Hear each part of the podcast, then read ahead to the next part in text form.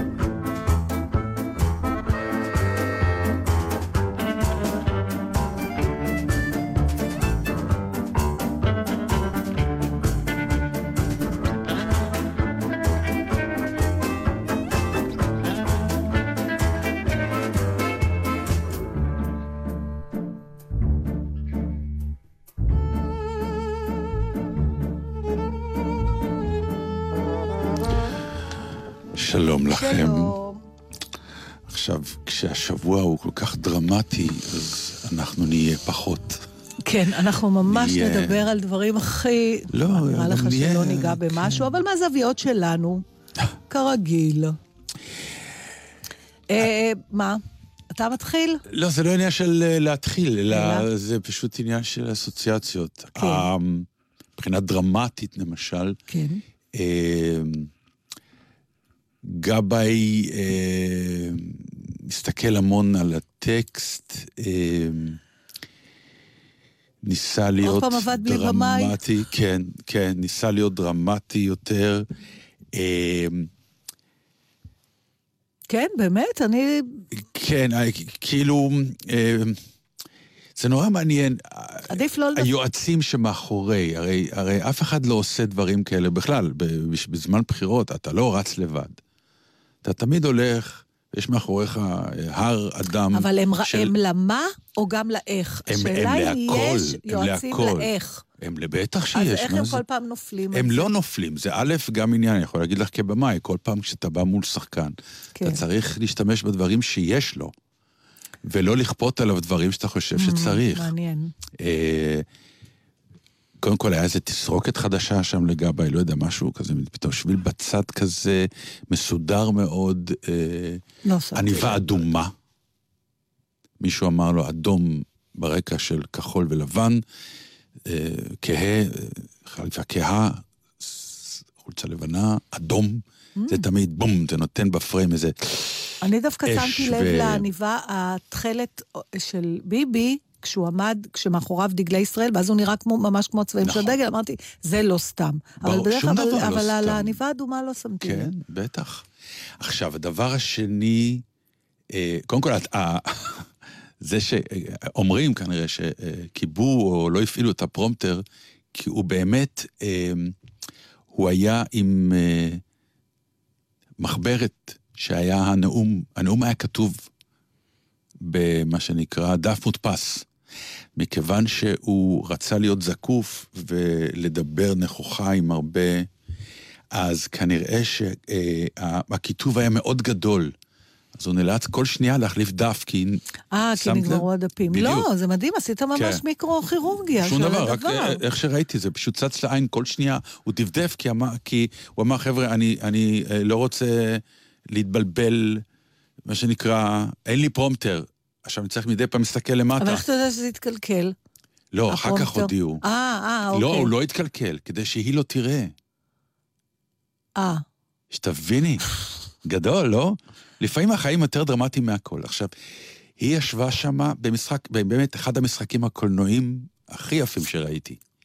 כי הסערה שעברה לה במוח, לעומת הפוקר פייס והתזזית הקלה שהיא פתאום הבינה כשהוא אמר לה, שיהיה לך בהצלחה בכל מפלגה שתבחרי, היה לה כזה מין תיק קטן בראש של הבנה מוחלטת של זהו, זה ההשפלה הטורקית, אני קורא לה, מה שנקרא. מה, כמו עם השגריר? כן, מה שנקרא, אני יושבת למטה, אני בפריים, מפתיעים אותי לפני כולם, מביכים אותי, עושים לי... אה, עושים לי זובור, זה זובור באופן מוחלט וברור. אבל, אבל זה כאילו היה אולי הפרשנות של ה by-product. מה שהעניין היה שהוא התגרש ממנה, אה, והוא לא אמר לה קודם, כלומר, הוא עשה את זה במקום שאי אפשר יהיה... בוא נדבר על זה. ובפומבי. בפומבי, אבל הכוונה, אני לא חושבת שהוא רצה להשפיל אותה, לא? כלומר, בטח הייתה איזו סיבה שכדי שהיא לא... אני רוצה להגיד בטוח לך היה פה משהו. משהו אישי, אבל האם... אני מנסה לחשוב על הנקודת התחלה. זאת אומרת, האם הוא ישב ואמר, טוב, אני עכשיו צריך, אחד, להיפטר ממנה, שתיים, להשפיל אותה בעודי עושה את זה. הוא הודה שזה מה שהוא רצה לעשות. להשפיל אותה? מהמם. באמת? כן. כי היא, לפי, דע, לפי מה שהוא טוען, השפילה אותו. היא התחילה, מה שנקרא. כן, היא התחילה. בהשפלה הפומבית הזאת שאתה מעמיד את האנשים לפני uh, עובדות ולפני קהל. בוא, אני, אני אתן לך uh, פרפרזה על העניין הזה, נגיד כבמאי. יש שלב שבו אתה נותן הערות לשחקנים וכולם שומעים. ישנה שבעים הערה שברור לך שהיא מאוד קשה לשחקן. ואז אחת משתיים. איך אתה חושב שזה יותר יועיל? האם תיקח אותו הצידה, בסופו של יום, ותאמר לו את ההערה אחת לאחת אישית, או שתאמר את ההערות האלה לפני כולם? אז אני אשאל אותך שאלה אחרת. בהצגה והיה לי הזאת... שחקן שעזב פעם את אוקיי, חדר אבל- החזרות, כי הוא הרגיש מושפל לאור ההערה שנתתי לו, אז- שהיא הייתה משחקית אז לחלוטין. ב- אוקיי, אז בואו נחלק את זה לשתיים. יש את הצד ששומע ובוחר להיעלב, לא להיעלב, להיות מושפל, לא מושפל, אבל יש את הצד, בוא נגיד, ניקח את הדוגמה שאתה נתת, שאתה מביים, כן. ויש ת- שני תסריטים. תסריט אחד, אתה לא מרוצה מהשחקן הזה, אתה רוצה להחליף אותו. מהמם. זאת אומרת, אתה בוחר לתת לו את ההערה הזאת מתוך המחשבה שאולי זה ידחוף אותו לבד החוצה. זאת אומרת, אתה מביא בחשבון כבר אתה שהוא יושפל, זה משרת את מה שאתה רוצה לעשות, אתה לא יכול להגיד לו, תשמע, אני לא רוצה לעבוד איתך, אבל אתה רוצה לגרום לו שהוא לא ירצה. אפשרות שנייה, שאתה באמת, מה, שמעני... מה שחשוב לך זה ההצגה, ואז מטרת ההערה היא כדי שהשחקן יבצע את מה שאתה רוצה, כדי שההצגה תהיה יותר טובה. ואז זה שני תרחישים שונים. כן, עכשיו, אבל זה לא התרחיש לא שהיה נעלב- פה. אוקיי, אז, אז לכן... התרחיש הראשון שדיברת עליו, זה מה שבעצם קורה בדרך כלל. עבדתי כבר עם שחקן סלאש שחקנית, שתוך כדי העבודה היה לי ברור שהוא, היא לא מתאימים. אוקיי, ליהוק לא נכון. אוקיי. עכשיו, מה שלא, מה שחסר כאילו, גם הק- הלהקה, זה לא רק אני הבחנתי, גם הלהקה זה מסוג הדברים שכולם רואים. הלהקה מבחינה, לצורך העניין, הלהקה זה הקהל, כן? או לצורך העניין חברי לא, המפלגה, אוקיי. אוקיי? כולם יודעים שההתאמה היא לא מתאימה. זאת אומרת, נו. כל העולם במטה עכשיו, אנחנו עושים ו- לא, אנלוגיה כן, לגמרי אבל, ל... אבל זה לא איזה הפתעה, איזה בום. גם, גם היא ידעה שהיא לא לגמרי מתאימה בזיווג הזה. עכשיו... עכשיו אנחנו מדברים על הדרך, אם. ככה. ולכן בדיוק, הדרך היא, אה, אתה לא אומר לשחקן מול כל הקאסט, "רבו, תשמע, אני מעיף אותך מההצגה, או אתה לא מתאים, ואתה טעות, ותודה שלום, ו- ותלך. אלא אם כן, אלא אם כן אתה. מפחד שאם תיקח אותו הצידה ותגיד לו את זה, הוא יכול לעשות איזה מהלך שאחר כך יפגע בך, ולכן כאילו אין לך ברירה, זה לפחות היה התירוץ שלו, או מקורביו, Mm. של למה הוא עשה את זה ככה. כי אמרו, אם הוא היה לוקח אותה באופן אישי, היא הייתה מקדימה אותו ואומרת, אני לא יכולה להיות איתו יותר. דרך אגב, תדע לך, זו אצילות, אני לצערי לא יכולה לתת שמות, אבל אני... יכול, כמובן יכולה לתת לך אותם באופן פרטי אחר כך. זה ברור שתעשי. אני עבדתי פעם באיזה אה, הפקה, בסדר? Mm. בכוונה ככה מטשטש את הפרטים. אה, אחד השחקנים נקלע לסוג של משבר אישי או... אישי, אה, שהתבטא בצורה פומבית לא נאותה. לא ניכנס לפרטים. זה היה מרוב לא מי ניכנס לפרטים, אנחנו כן, בלי פרטים כבר. בסדר, לא, אבל זה התרחיש, בסדר? ואז מה הוא עשה? בוא נקרא לו המפיק של הדבר הזה. מהמם. היה ברור שאותו שחקן לא יכול להמשיך לעבוד, בגלל הצורה שהוא התנהל. אבל זה היה מפיק עם גדלות נפש. ומה שהוא עשה, הוא היה יכול להרוויח את הנקודות שלו, וכן להוציא החוצה את אצלי לא יעבור דבר כזה. אבל הוא לא עשה את זה. הוא נתן לאותו שחקן את האפשרות להתפטר. כאילו, זאת אומרת, הוא כן לקח אותו לשיחה, אמר לו, תשמע, זה- אתה לא יכול להמשיך, אבל אם אתה רוצה שההודעה תצא ממך, אז בבקשה. וזה דבר שהוא לא...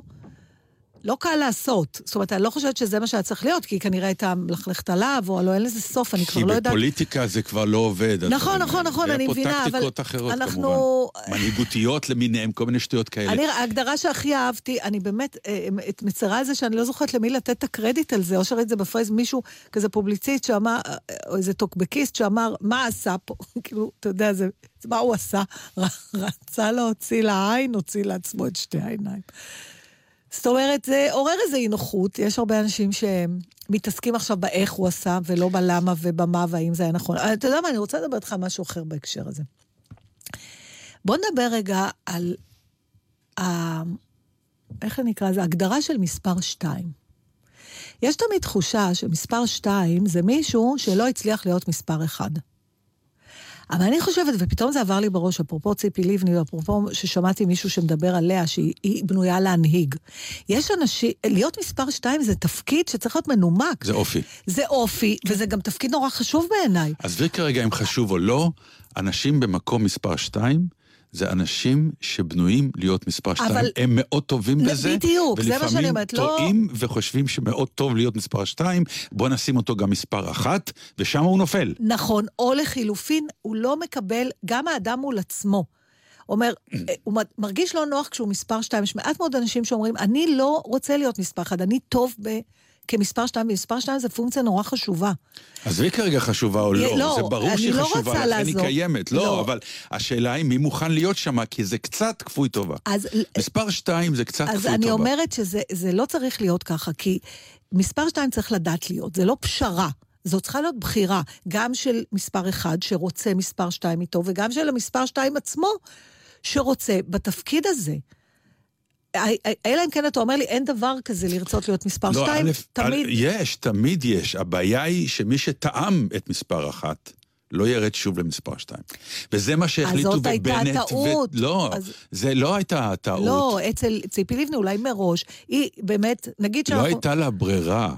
לא הייתה לה ברירה, כי השותפות שלה עם הרצוג, הם תמיד הוצגו כמה שנקרא המנהיגים החדשים. זה מה שעשו בנט ואיילת. עד כדי כך שהם אפילו הקריאו שורה-שורה כדי לשדר, אנחנו אותו דבר. יחד, אין פה מספר שתיים. מה שנקרא, בדגל שלהם, באות, נכון, יש אבל- אבל- איילת ובנט, וברשימות הוא ראשון, ו... כלומר, הם מנסים כן לשדר, אבל אז יש אני מספר אומרת- אחת ומספר שלוש. אז אני אומרת. בדיוק, אז זה אידיוטי. זה לא אידיוטי, זה למה? עניין ש... כי זה עניין, אלא אם כן לך, באמת שניהם לא בנויים להיות שתיים. ברור, מפה זה מתחיל. מפה זה מתחיל. וכמה אדם שתיים- כנה עם עצמו, במובן שהוא, יש הבדל בין, ל, ל, אתה טוב כמספר שתיים, אבל אתה לא רוצה להיות מספר שתיים. יש אנשים כאלה. יש אנשים כאלה, ולפעמים אה, מטעים אותם, הסביבה מטעה אותם, ואומרת להם, לכו, לכו, אתם גם יכולים להיות טובים במספר אחד. תראי, להיות מספר שתיים זה אופי, זה החלטה, אבל החלטה לא קלה, כי באמת זה הנה, אתה, טובה. אבל אתה, אז זהו, שאתה ממשיך עם השפיטה הזאת, גם ב understatement שלך, אתה אומר, מספר שתיים זה מספר, זה מישהו שלא יכול להיות מספר אחד. נכון. אבל לא, אז אני אומרת לך שזה זה בדיוק מזה מתחילות הבעיות. אין פה עניין של זה בעיות. לא אותו תפקיד, זה לא אותו דבר. מספר שתיים זה להיות מספר אחד במספר שתיים. להיות, זה תפקיד אחר.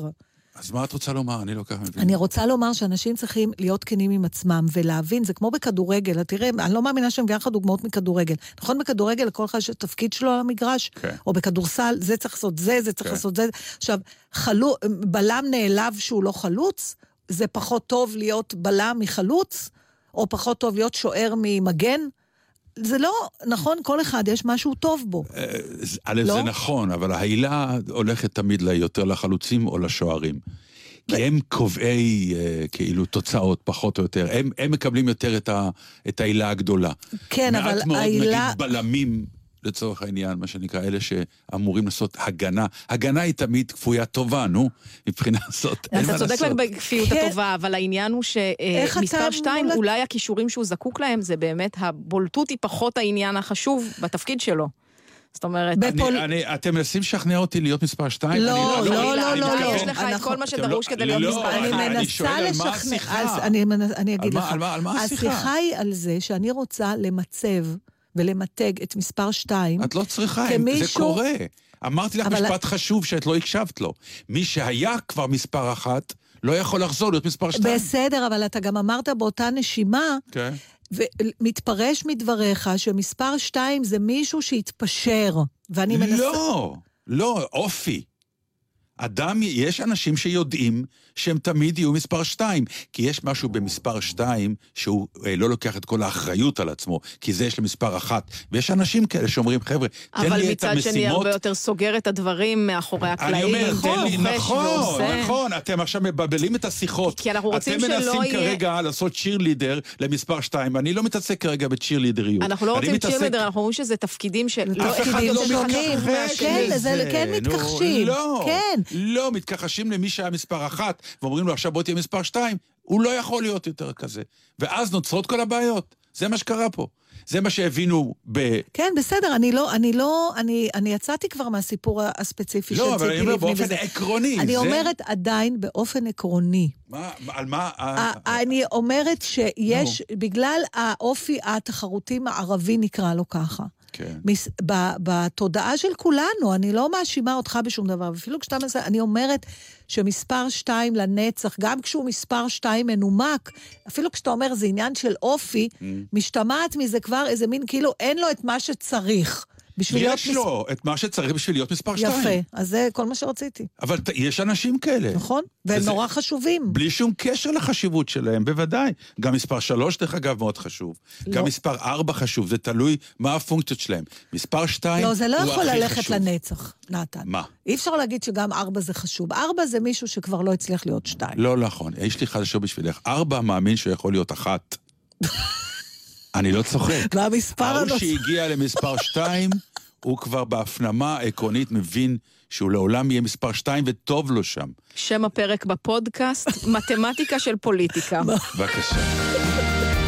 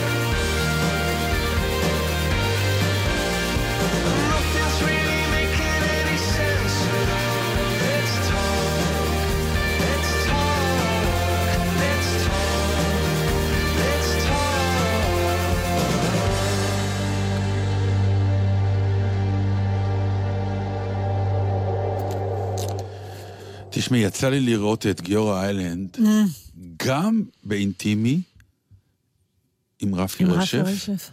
וגם אחר כך בתחקיר במקור. במקור. כשראיתי את אינטימי עוד הייתה אווירה של יגאל בשן מאחורי הקלעים. של ההתאבדות שלו. כתוצאה אה, מכאבים שהוא... כתוצאה מכאבים כן. וכולי. ויורא איילנד סיפר, אני לא כך עוד, עוד אה, שחיתי בחומרים, כי זה היה וידוי שהוא סיפר, סיפר שהוא עבר איזשהו תהליך אה, כירורגי, ובתהליך הזה, בתהליך הזה נפגעו עצביו, ומאז הוא נהיה חולה כרוני של כאבים שב- ב- אה, נסבל. אין להם מזור בכלל. כלומר, עכשיו, הרעיון שיש לך משהו שאין לו מזור, אפילו לה, מבחינת להקל על התסמינים, זה לקום כל בוקר לסוג של גיהנום. והוא הודה שבהחלט מדי פעם צצות מחשבות אובדניות לאור העובדה שקצת בסיטואציה הזאת. ואז הוא בא, וראיתי אותו בתח... ב... במקור, מספר על מה היה הניתוח, ובעיקר על התופעה הזאת שכולנו יודעים אותה, חלקנו כ... כחולים לפעמים מעודדים אותה, ומסתבר שזו כנראה טעות אחת איומה, וזה אי ידיעה מוחלטת של מה שנקרא תופעות הלוואי של תהליכים שאדם עובר מבחינה רפואית. זה כן נגיד מגיע לסוג שכשאתה לוקח כדור או זריקה, מספרים לך מה התופעות לוואי של כדור או זריקה. אבל ניתוח, שהוא כאילו ניתוח אמור להיות מציל חיים, ומצד שני אומרים לך, כן, עכשיו נציל את חייך, אבל חייך יהיו חסרי 1, 2, יש 3, סיכון, 4. זה לא כולם, יש כאלה שעברו את הניתוח ולא קרה להם מה שקרה. יש סיכון. אה, בדרך ו- כלל אומרים את הסיכונים. אה, אז זהו, שלא את אז, אז, כולם. אז לכן זה יצא מין... מה, שלא כשיטה? את כולם, כן, על זה הוא דיבר, כן. Mm.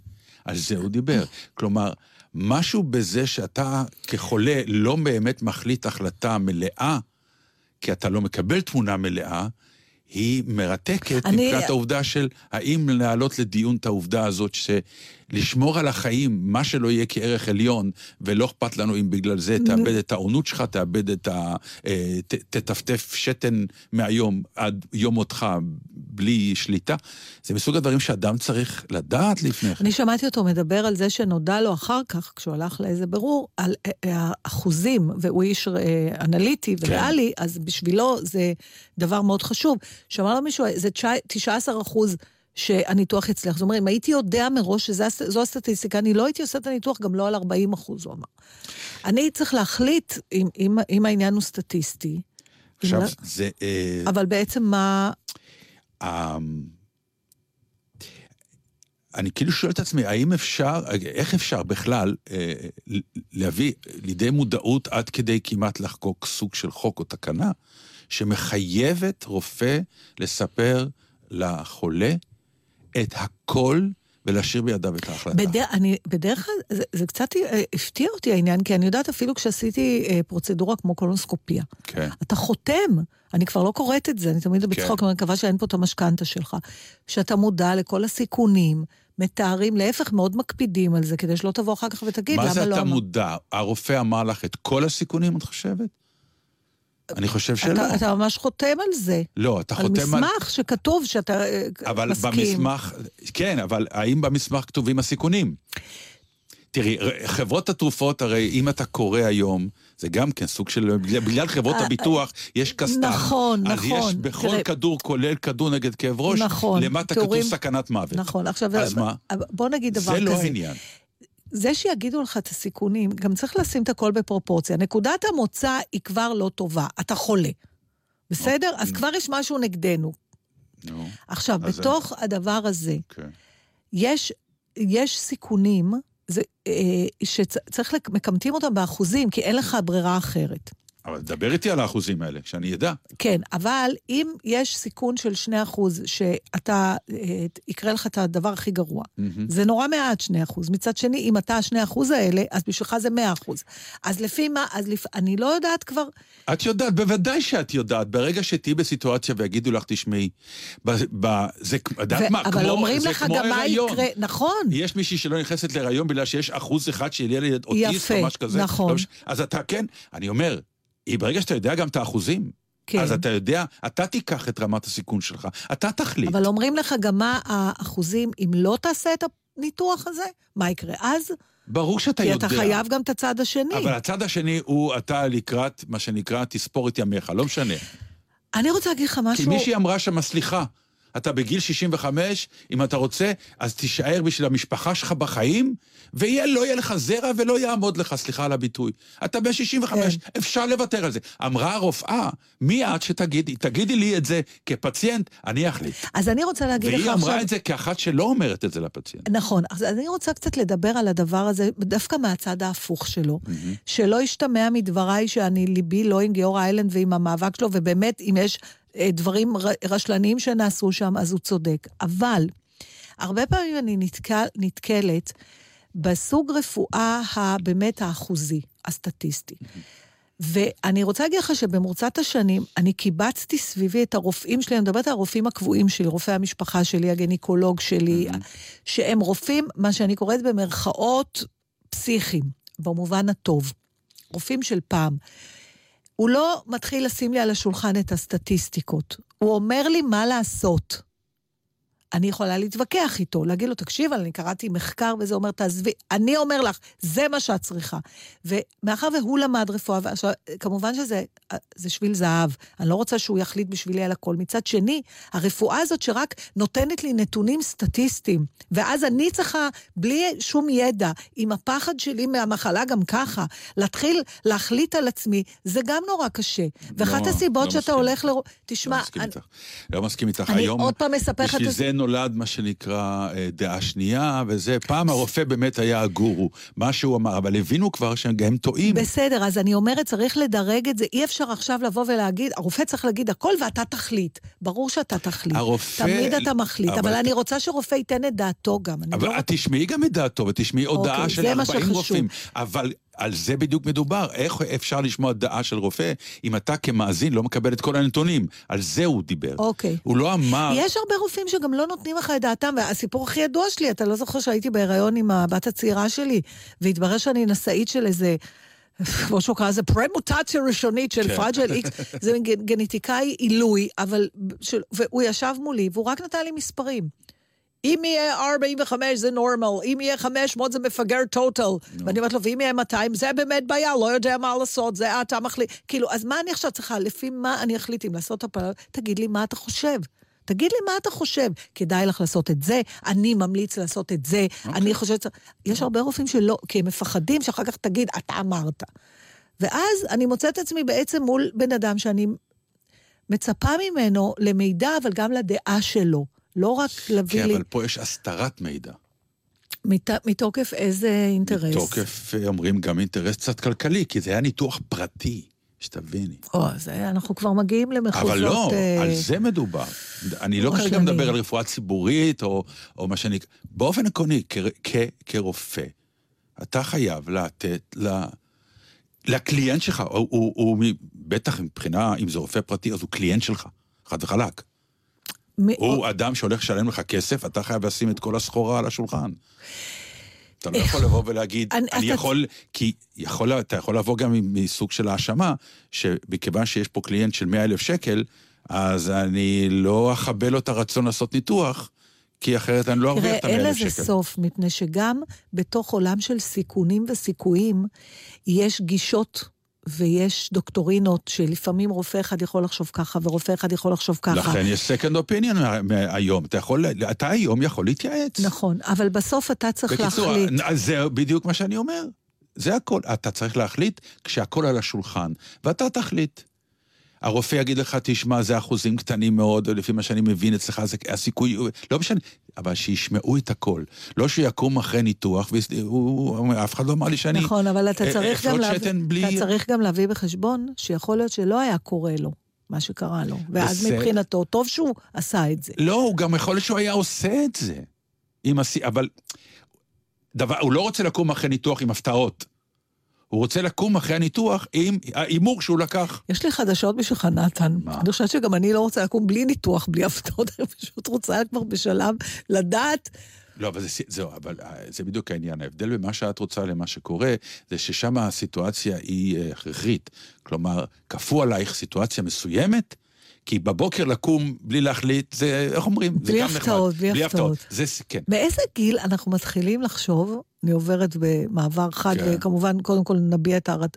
אני חייבת להביע את הערצתי לגיאור איילנד, גם על ההתמודדות שלו, גם על האופן שבו הוא היה מוכן הוא איש להיפתח. מופלא. כן, לא, גם תראה איזה יופי, שיושב בן אדם ומדבר בכנות, אה, בפשטות, ובלי בלי שום מניעים נסתרים. פשוט, נכון, הוא באמת, הוא, כן. הוא מספר אה, כן. בלי אמוציות מיותרות. אתה יודע, ש, שלוקחות את הסיפור למקום אחר, אתה מבין לגמרי גם את האמוציות שם, אבל... אבל אה, בדיעבד עשה שירות אה, נפלא, אני חושב. כן, אבל חושב אני שנ- נורא מקווה דבר. שיפסיק לכאוב לו. זה כנראה לא יקרה. לא מבינה את זה. אני גם לא, ושלא נדע אם בא מהדברים. כאב, למה הוא לא הולך גם? כי לא כל כאב, כי... אה, מה זה הדבר הזה? אני לא יודע, מבחינה רפואית אין לי שום... זאת הסיטואציה. יש אנשים, דרך אגב, ואני מכיר את זה כי יש אצלנו את זה במשפחה מישהו, שיש לו כאב כרוני. כן, נכון, יש מרפאות יש כאלה. כאלה, ויש מרפאות כאב, ש... וזה חיים, ש... באמת, שלא נדע, זה מסוג הדברים... זה מצחיק, הייתי אצל רופא, אצל רופא עור, ואני כזה, את יודעת, אני בודק שומות, כי אני מלא שומות, ו... ש... אז אתה חייב לעשות בדיקה יכול להיות פקיד. חצי שנתית או משהו כזה, כמו שהוא אמר לי, חצי שנתי, כבר רק לפני שנה הייתה אצלי, מה, חצי שנתי. שגם עליי הרופא אור נוזף, וליאור אמר פה משפט, מה? הוא אמר, את צריכה לבוא כל חצי שנה. אמרתי לו, למה? הוא אמר, כי הג'ינג'ית אתם טעות פיגמנטלית. אוי, כמה הוא צדק. ואחר כך אמרתי לו, תשמע, יש לי פה משהו בציפורן. זה פטריה? לא, זה לחץ של נעל. כן. אמרתי לו, יש, יש דבר כזה? הוא אומר, כן, כן. אמרתי, טוב, אבל איך נפטרים? לא צריך. אמרתי לו, מה הפירוש? עזוב, לא נוגעים. נו, אמרתי לו, מה? הוא אומר, אתה רוצה שאני אוציא את הציפורן? אמרתי לו, לא. טוב, זהו. נכון, אני גם, יש לי בוהן רדומה. אמר לי, יש לך עוד ארבע אצבעות ליד, תסתפקי. עכשיו, זה נורא מצחיק, כי יש רגעים שאני מאוד אוהב את הרופאים, נגיד ברגעים האלה. אז זה מה שאני אומרת לך, בסדר. תגיד, לא. כשזה אצבעות בגלל לחץ של נעל, אבל כשמדובר בחיים שלך ובעוד מיני תופעות שאיכות החיים שלך אה, יורדת בהמון אחוזים, אפרופו אחוזים. והוא לא סתם אמר שלגבר הגודל שמתקטן, אה, אלה, אלה, אלה, אלה דברים, אתה עשית את הבדיקה, את ה-PSI הזאת? PSA? מה זה? לא, אז ראית וראית, ואת הכי חשוב, אה. הדחקת. לא, אין לתאר אתכם, אין לתאר אתכם. אה, יש בדיקה, עשיתי בדיקת גודל. לא, יש בדיקה שבודקת הורמון. את, כן, כן, את ההורמון, שאם בסדר. הוא, אם הוא גדל, אז... עכשיו, מה שיפה זה מסוג הבדיקות, שאם היא, תקין, אם היא שלילי, אם היא גבוהה, סימן שיכול להיות לך סרטן. אם היא נמוכה, זה לא אומר שאין לך סרטן. שזה באמת, אתה יודע, מסוג נכון. הנפלאות, כן. שאתה לא יודע להתמודד איתן. אני לא יודע, אני עושה בדיקות דם כל כמה זמן, אני מניח תעשה את- שבפנים יש את הרשימה. הוא נות- אל תניח, נתן, תסתכל על הבדיקות, ועכשיו, אחרי שראית את כל הרעיונות, אני מסתכל, אני לא יודע איך לקרוא, יש שם... אז תתקשר אליי ואני אקרא לך. אין בדיקה שאני לא יודעת איך לקרוא לא, אותה. אבל אה, הרופא תמיד מתקשר ואומר לי, לא. תשמע... הרופא לא תמיד מתקשר. לא? לא. שלי כן. באמת? טוב, אני אעבור. לרופא שלי. לא, כשיש בדיקות והוא אומר לי, תשמע, ראיתי בבדיקות שלך משהו לא טוב שמה, אז הוא בטח אתה מתקשר. תראה אם יש משהו לא טוב, לא הוא. ואתה תתקשר אליו, ואז הוא יגיד לך, זה כלום, תעזוב כמו עם האצבע. התפקיד שלך זה לדאוג, תפקיד שלא... דעת- לא, דעת לאט לאט לאן זה הולך. אתה, אתה תיכנס לחדר ניתוח ותחתוך לעצמך את ההרמונית. אף אחד אחר לא יעשה לך את זה. אני רוצה להגיד לך שאני מאוד מתקדמת לקראת שלב שאם הייתי יכולה להוציא את כל איבריי, הכל מעיק עליי, הגוף שלי לא זורם איתי. לא זור, הוא זורם לכיוון הזקנה, אני ממש לא. ואנחנו הולכים ומתרחקים אחד מהשני. אה, זה וכל עם שלם דבר- כמוך, דרך אגב. נכון, עכשיו. כל דבר, מבחינתי כל איבר שמאיים על קיומי, ואני הייתי מוציאה אותו. והייתי נשארת ככה רק רוח ולשון ומיתרי קול. את ראיתי עכשיו איזה סוג של סדרה בנטפליקס, איזה מערבון אה, נפלא בעיניי. מה? סדרה שמתרחשת במערב הפרוע, על איזה עיר שנשארה רק עם אנשים, כי... אה, אה, Godless. חסרי בוש... Godless, כן. כן. וואו, איזה... כן, לראות? אני, אני פשוט אוהב מערב פרוע בגלל החוקים של המערב הפרוע, שהם באמת אה, לא סתם עשו מלא סרטים, כי יש שם חוקים מאוד כן, ברורים. לנשים היה מאוד כיף אז. וכן, אז באיזשהו שלב, סתם, כאילו, אתה, אתה פתאום קולט שנגיד, אה, ו- ו- ונשארתי אלמן, אשתי נפטרה בגיל צעיר. ממה היא נפטרה? ממחלת הזה? לא, מדלקת בתוספתן. מה שנקרא אצלנו, יאללה, בוא תוציא, אפנדצית. אפנדיצית, ואנשים פעם מתו, גם מדברים כאלה, כי נשים יותר.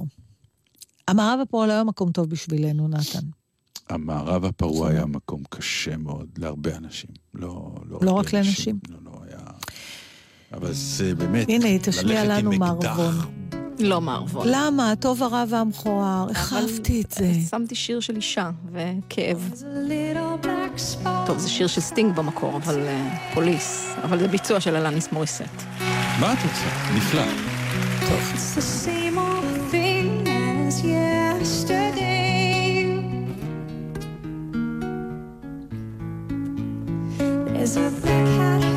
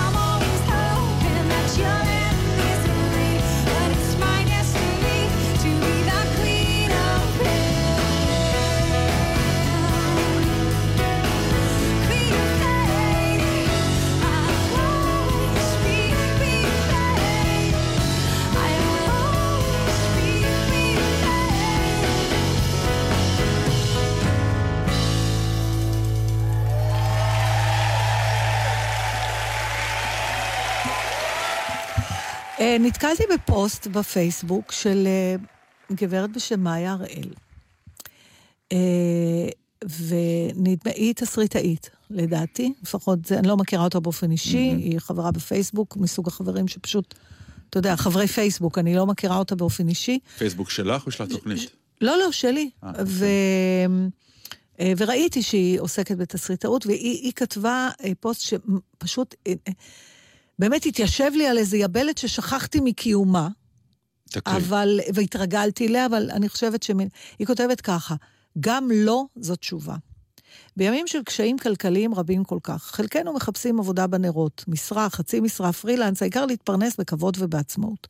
כמות קורות החיים שהספקתי כבר לשלוח משולה למספר המיטות במשחקי הכס. גם לא זו תשובה. גופים גדולים, בינוניים, קטנים, כולם זכו לביקור קורות החיים שלי, ובכל זאת עשיתי שניים, שלושה דברים בחיים. משפחה תומכת, חברים עוזרים בחיפושים, אני עוד בת מזל, אבל אנחנו, מחפשי העבודה, הפכנו לשקופים. חתיכת נייר בלי נפש, בלי ניסיון, ידע ויכולת. לפעמים זה הגיל, לפעמים זה השם, לפעמים זה סתם מחוסר עניין. זה אפילו לא חשוב למה. כבדו אותי בתשובה, גם לא זו תשובה. נימוס בסיסי, מחווה אנושית פשוטה. בסופו של דבר, אני חכמה ומוכשרת ודי מצחיקה, אמצא עבודה ואתפרנס בכבוד אמיתי ואשגשג. אבל מעסיקים יקרים, זה לא מאוד מסובך, תתייחסו. אנחנו אנשים, לא ניירות A4. עכשיו, אני מכירה את זה מהכיוון שלי של לעשות אודישנים. כן. עכשיו, אני כבר ויתרתי, אבל פתאום כשקראתי את זה אמרתי, זה עדיין מעליב. ברור. את עושה אודישן, אם התקבלת, מודיעים לך. אם לא, אין תשובה. עכשיו, אני העלפתי את עצמי במהלך השנים, פשוט לא לחכות. ברור לי שאם לא יתקשרו, זה לא, ולא להיעלב. לא, אבל אני מוכרח לדעת שהסוכן אבל- שלי, לצורך העניין, תמיד שולח לי תשובה. לא, אני תמיד יודע. לא. אז אצלי לא, ואצל רוב האנשים שאני מכירה. לא, לא נכון. אם לא שמעתי כן, זה הסימן שזה לא. עכשיו, זה נכון, בתכלס, היא שלחה קורות חיים, היא באה לראיון, או מישהו אחר, כן. וזה ברור שאם לא אמרו לך כן, זה לא. אבל בכל זאת, הלא הזה הוא חשוב לנו.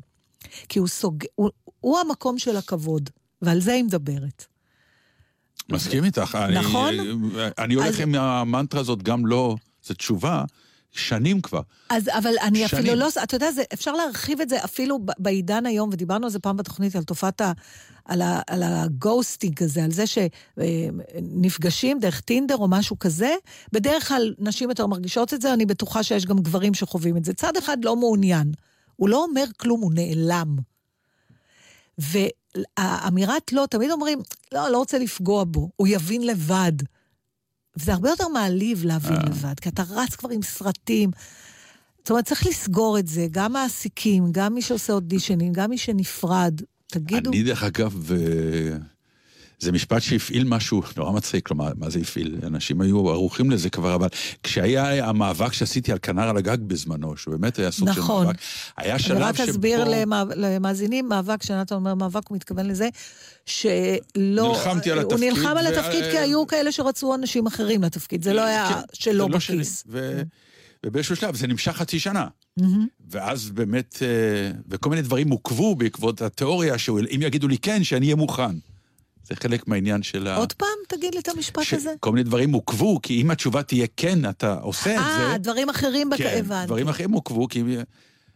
אה, זה כמו הרי ה- ה- ה- המשפט שיגאל נור סיפר לי, ידידנו, Mm. על הוליווד, המשפט האנגלי, האמריקאי המופלא, ששואלים שחקן קולנוע, מה אתה עושה בימים אלה? והוא אומר, I'm keeping myself available. כן. אני, מה שנקרא, שומר את עצמי פנוי. כן, כי שאם תבוא ההצעה. ההצעה הגדולה, אז אני אגיד, פנוי. אז גם אני עשיתי, ניסיתי להיות keeping myself available, כשיגידו לי כן, ובאיזשהו שלב לא אומרים, ואני לא יודע כלום. ואז באמת, אחרי חצי שנה, באתי למשרד בשיא העיזוז, ואמרתי, רבותיי, גם לא זה תשובה, רק תנו לי אותה. כי נכון. יש לי הולד על כל מיני נכון. דברים. ואז אני אוכל לעשות, כי האי ידיעה היא הכי, המצב נוראי. אבל אני אומרת, גם אם אתה לא... ואז שאמרתי את זה, התהפך. אז זה התהפך. דרך כן. אגב, הגרסה, אני חייבת לספר לך, נועם סמל, שהיה כן. אז זה, הוא תמיד נתן לי אותך בתור דוגמה, הוא רק לא שם לב שבאותה נשימה, יום אחרי זה, הוא נתן לי דוגמה הפוכה. אז זה נשמע ככה, הוא אמר, הנה, דנטר, מה הוא לא עושה? הוא ישן פה, ישן לי מתחת לדלת. הוא דפק לי על הדלת, הוא אמר, אני אוציא את ההורים שלי מהקבר, הוא לא נתן לי מנור, בסוף נתתי לו לעשות את זה, אבל את רואה, זה חשוב וזה.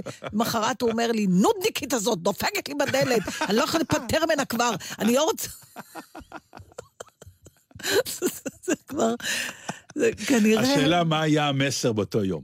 כן. אה, אבל לא. זה נכון, כי באותה מידה יכלו באמת להגיד... לא, זה בגלל שהתוצאות היו טובות.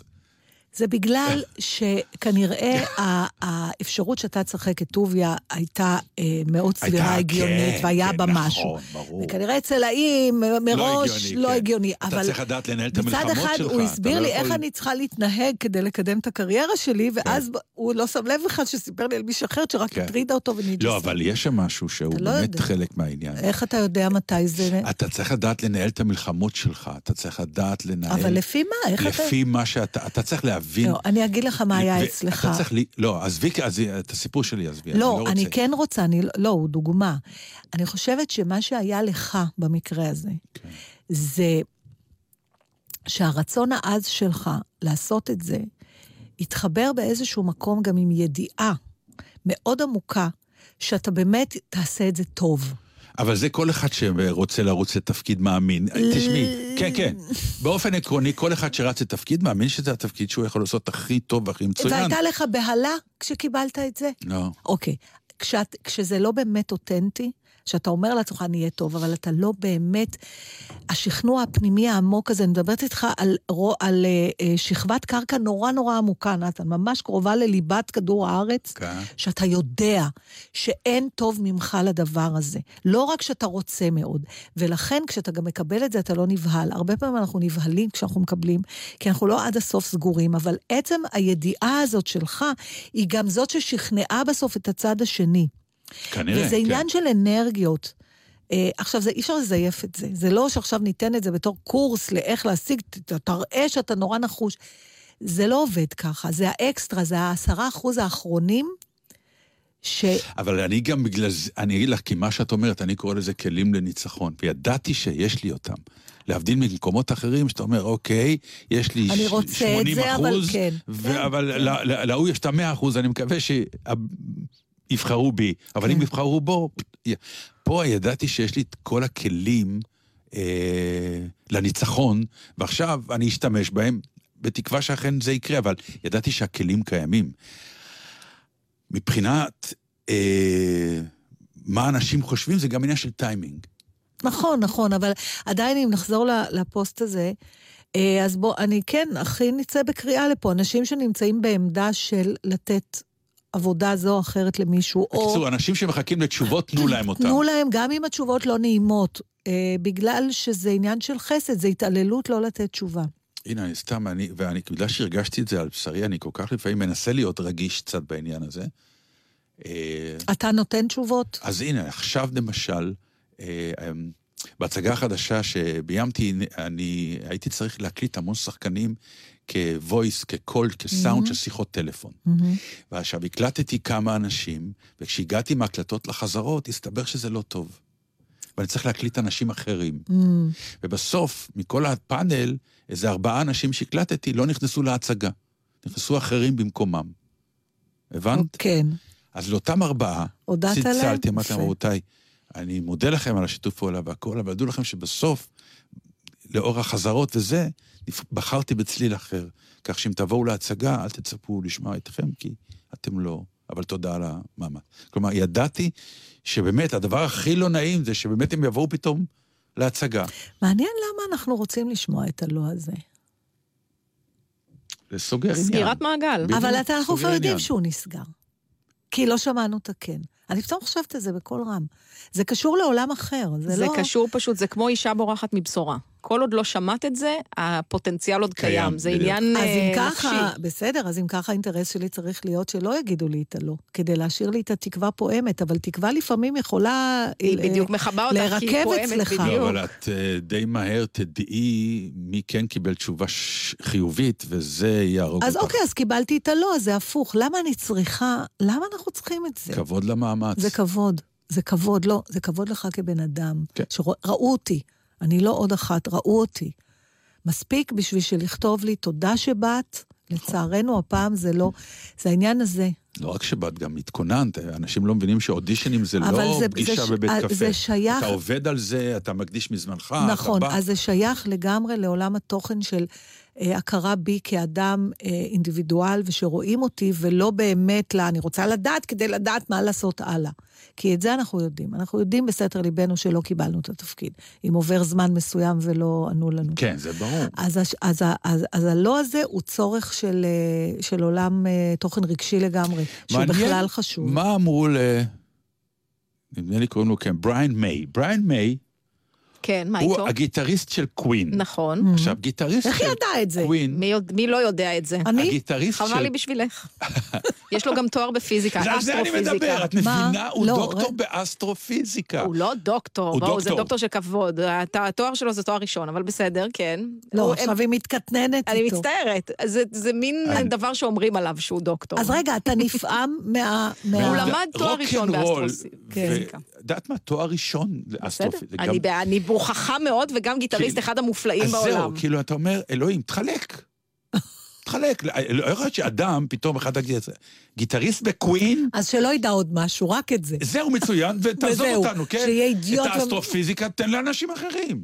אתה גם דוקטור לאסטרופיזיקה, אסטרופ, גם איזה מקצוע, כאילו, אתה אומר, אתה לא דוקטור ל... לא, מה שמייאש אותי זה שהוא לא הצליח ל... הוא מתפרנס מהמוזיקה ולא מהאסטרופיזיקה. הוא ש- יכול להרשות לעצמו. שנים של הורים אומרים, מה אתה הולך ללמוד עכשיו? מה אתה מוזיקאי? זה מקצוע, תלמד אסטרופיזיקה. ואז הוא אומר, למה הנה הוא מקווין? אין ספק שהוא קיבל את הדוקטור כבוד לאסטרופיזיקה. לא, לא קראתי שזה כבוד, דרך אגב. אני מוכרח לומר לך. אז אני, הוא לא סיים את התואר שלו כדוקטור, זה, אומרים את זה עליו. תגידו, כמה זמן יש לנו? כי יש לי, את רוצה... אין, לס- אין זמן בכלל, תם הזמן. אוי, היה לי משהו כל כך נחמד להביא היום. וכל מה שהבאנו עד היום לא נו, נחמד. לא, לא. לא, בשבוע הבא לא יהיה לך? אני לא יודעת, זהו, כי זה היה קשור כאן למערכת הבחירות ואנלוגיה לתיאטרון, לא, והבאתי אז אני סצנה. אעשה- אז אני- ואז אני מפחדת שהם יסתדרו אז בשבוע. אני אעשה פרומו. שבוע הבא כן, אנחנו נדבר על פרידות נכון. קשות. כן, אני עוברת... אה, כן. כבר תשמעו. קשות אתם תשמעו, אני מניח שמה שנקרא, אני אשב ואבכה, והאישה די, די, תדבר אנחנו לא... ותדבר ותדבר. בואו, אנחנו צריכים לסיים. איזה שיר אתם רוצים לשמוע? של קווין, או אה, אני רוצה את הטוב, הרע לא? והמכוער, הטוב, אפשר? הרע והמכוער זה יהיה בדרך הביתה. אה, יש שיר גם על לא, אם אתם רוצים. אה, על המילה לא? לא, לא, לא, לא, לא, לא, לא, לא, לא, לא, אל אסור, תגידי לי לא. אי אפשר, אי אפשר כבר, זה לא, לא. לא, לא, לא, לא. יאללה, הלכנו על קווין, שיר שכתב בריאן מיי, בואו נגיד אה, תודה למור הרטוב. ואני רוצה. לברך את הסינים שנחתו על הצד האפל של הירח. כן. אה, אתה רוצה עכשיו שאני אחליף? איך הפולנים, לא-? איך לא הפולנים, רואים. איך הפולנים לא נחתו על הצד האפל של הירח? כי שם היו מדליקים להם את האור. זה היה מתאים לנו. אה, שבת שלום. שבת שלום.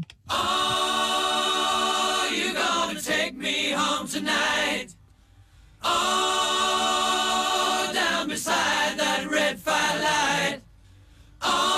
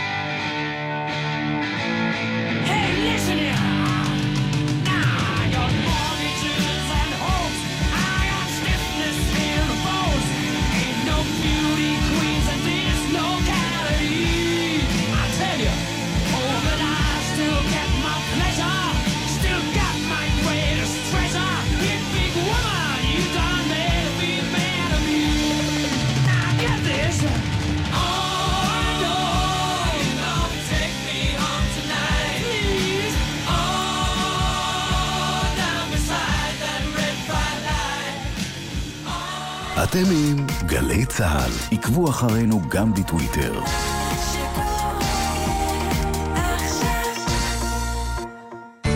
יקרים שלום, מדבר יוסי בן שמחון, ראש ענף הבטיחות בדרכים בצה"ל. במשך כל השבוע אנחנו מתאמצים לשמור על הבנים והבנות שלכם, כי בטיחותם חשובה לנו. סוף השבוע בפתח והם בדרכם הביתה. הם יצאו לבלות, להתאוורר, לנקות את הראש, ואנו מבקשים מכם לעזור להם לעבור את זה בבטחה כדי שיוכלו ליהנות גם בשבוע הבא.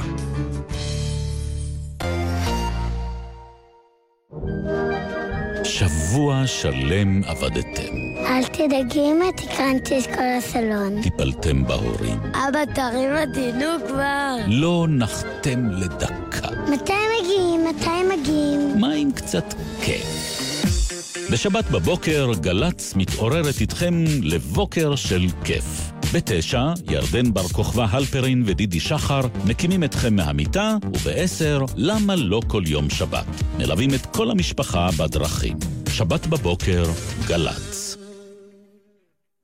גלי צה"ל מציגה אלבום חדש של תוכנית הילדים שבת בבוקר. בוקר טוב, בוקר טוב, לכיפות וגם לדור. ירדן בר כוכבא הלפרין ודידי שחר לוקחים אתכם למסע קסום עם שירים וסיפורים של דוד גרוסמן, נורית זרחי, שלומית כהן אסיף ואחרים. שבת בבוקר. עכשיו, בחנויות המוזיקה והספרים ובשירותים הדיגיטליים. הקיפוד של דן. קיפודן. מיד אחרי החדשות,